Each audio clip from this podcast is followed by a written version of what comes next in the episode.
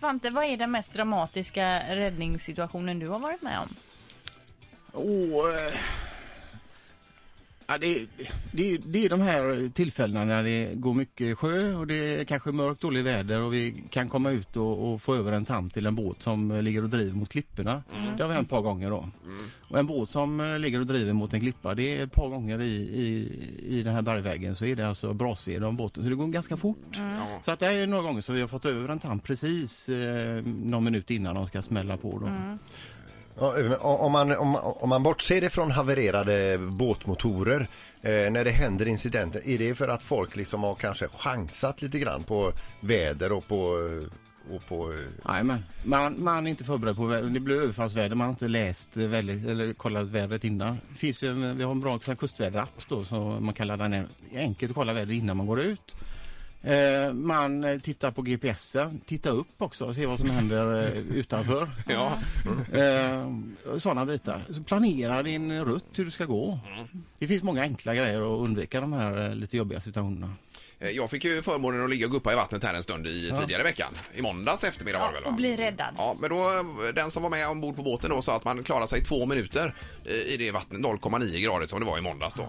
Eh, Det stämmer alltså Svante? Ja, det går, det går otroligt fort innan du är utslagen alltså. Men Men vad all- händer då? Är det organen som, bara, är det organen som stänger av bara då eller? hur? Ja, du får, Liksom- alltså, det blir liksom typ en, en chock för kroppen. vad är det det Du- heter? Det heter dehy... eh, Vad heter det? Hypotermi. Ja, Hypo... du blir hy Hypotermi. hypotermisk, alltså nedkyld. Ja, okej. Du får kramp i princip i alla dina muskler. Du blir helt orörlig och trö väldigt trött. Mm. Sömnig. Eh, Men jag menar, det man är alltså död efter två minuter helt enkelt? Är det så? Ja, det är kanske inte kliniskt eh, men, Men mer eh, eller mindre? helt utslagen, eh, ja. Ja, det är ju... I den här kylan alltså? Ja, ja visst, visst. Jag kände ju bara på händerna nu när jag låg i där med min överlevnadsdräkt att Mm. det var ju sjukt kallt alltså. Det var det. Några saker då att tänka på när man ska ha i sina båtar i sjön. Börja innan, innan ni eh, ens börjar köra båten. Tänk ut vart ni ska, lägg ut en rutt, berätta för anhöriga vart ni ska Ja. när ni har tänkt att komma hem.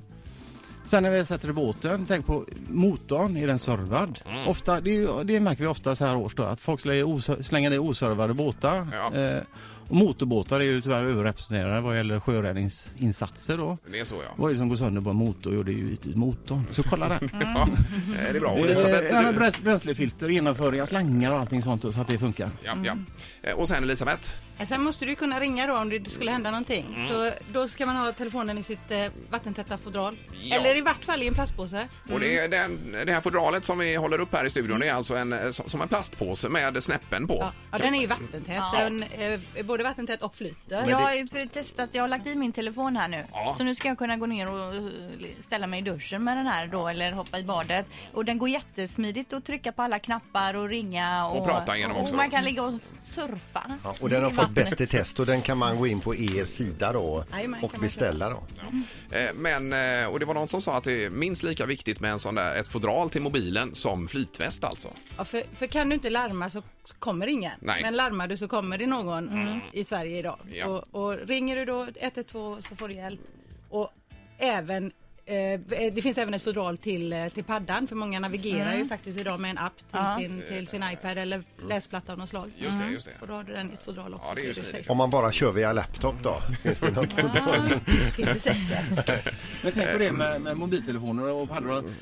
Eh, det drar ju sådana batterier ute på havet. Jag har få eh, master Ja. och där måste jag alltså söka upp eh, masten hela tiden, rumma. Så att det drar ut batterier ganska fort ute på havet. Så tänk på det, ta med extra batteri eller eh, så att ni kan ladda. Ja. Eh, Det är en telefonen. bra grej. Ja, just det. Precis. Hur långt ut räcker en eh, mobiltelefon så att säga? Jo, den räcker ganska långt ut. Ja, det gör den, ja. Ja, för sjutton. Är inga problem. Ja, ja. Nej, det är inga problem så sett. Men har ni haft någon som har legat och guppat i vattenytan med, med telefon i örat? Ja, Ja, faktiskt då. flera gånger och det man ser tendensen att det ökar. Men det roliga är att många ringer, först ringer de frun och sen ringer de Ja. efterpå. ja, men det är ju så. Vi, vi alltså. räddar ju Ja. här Men, men har ni upplevt att, no att någon har legat och spelat spel under tiden de har väntat på er? Ja, det förtäljer inte historien. Nej. Var detta intervjuns bästa fråga? Ja, det var det. Vi avslutar med den Peter. Ja. tack. Men, eh, tack så mycket Elisabeth och Svante. Lycka till Tack med snälla. säsongen. Ett poddtips från Podplay. I fallen jag aldrig glömmer djupdyker Hasse Aro i arbetet bakom några av Sveriges mest uppseendeväckande brottsutredningar. Går vi in med hemlig telefonavlyssning och, och då upplever vi att vi får en total förändring av hans beteende. Vad är det som händer nu? Vem är det som läcker? Och så säger han att jag är kriminell, jag har varit kriminell i hela mitt liv men att mörda ett barn, där går min gräns. Nya säsongen av Fallen jag aldrig glömmer på Podplay.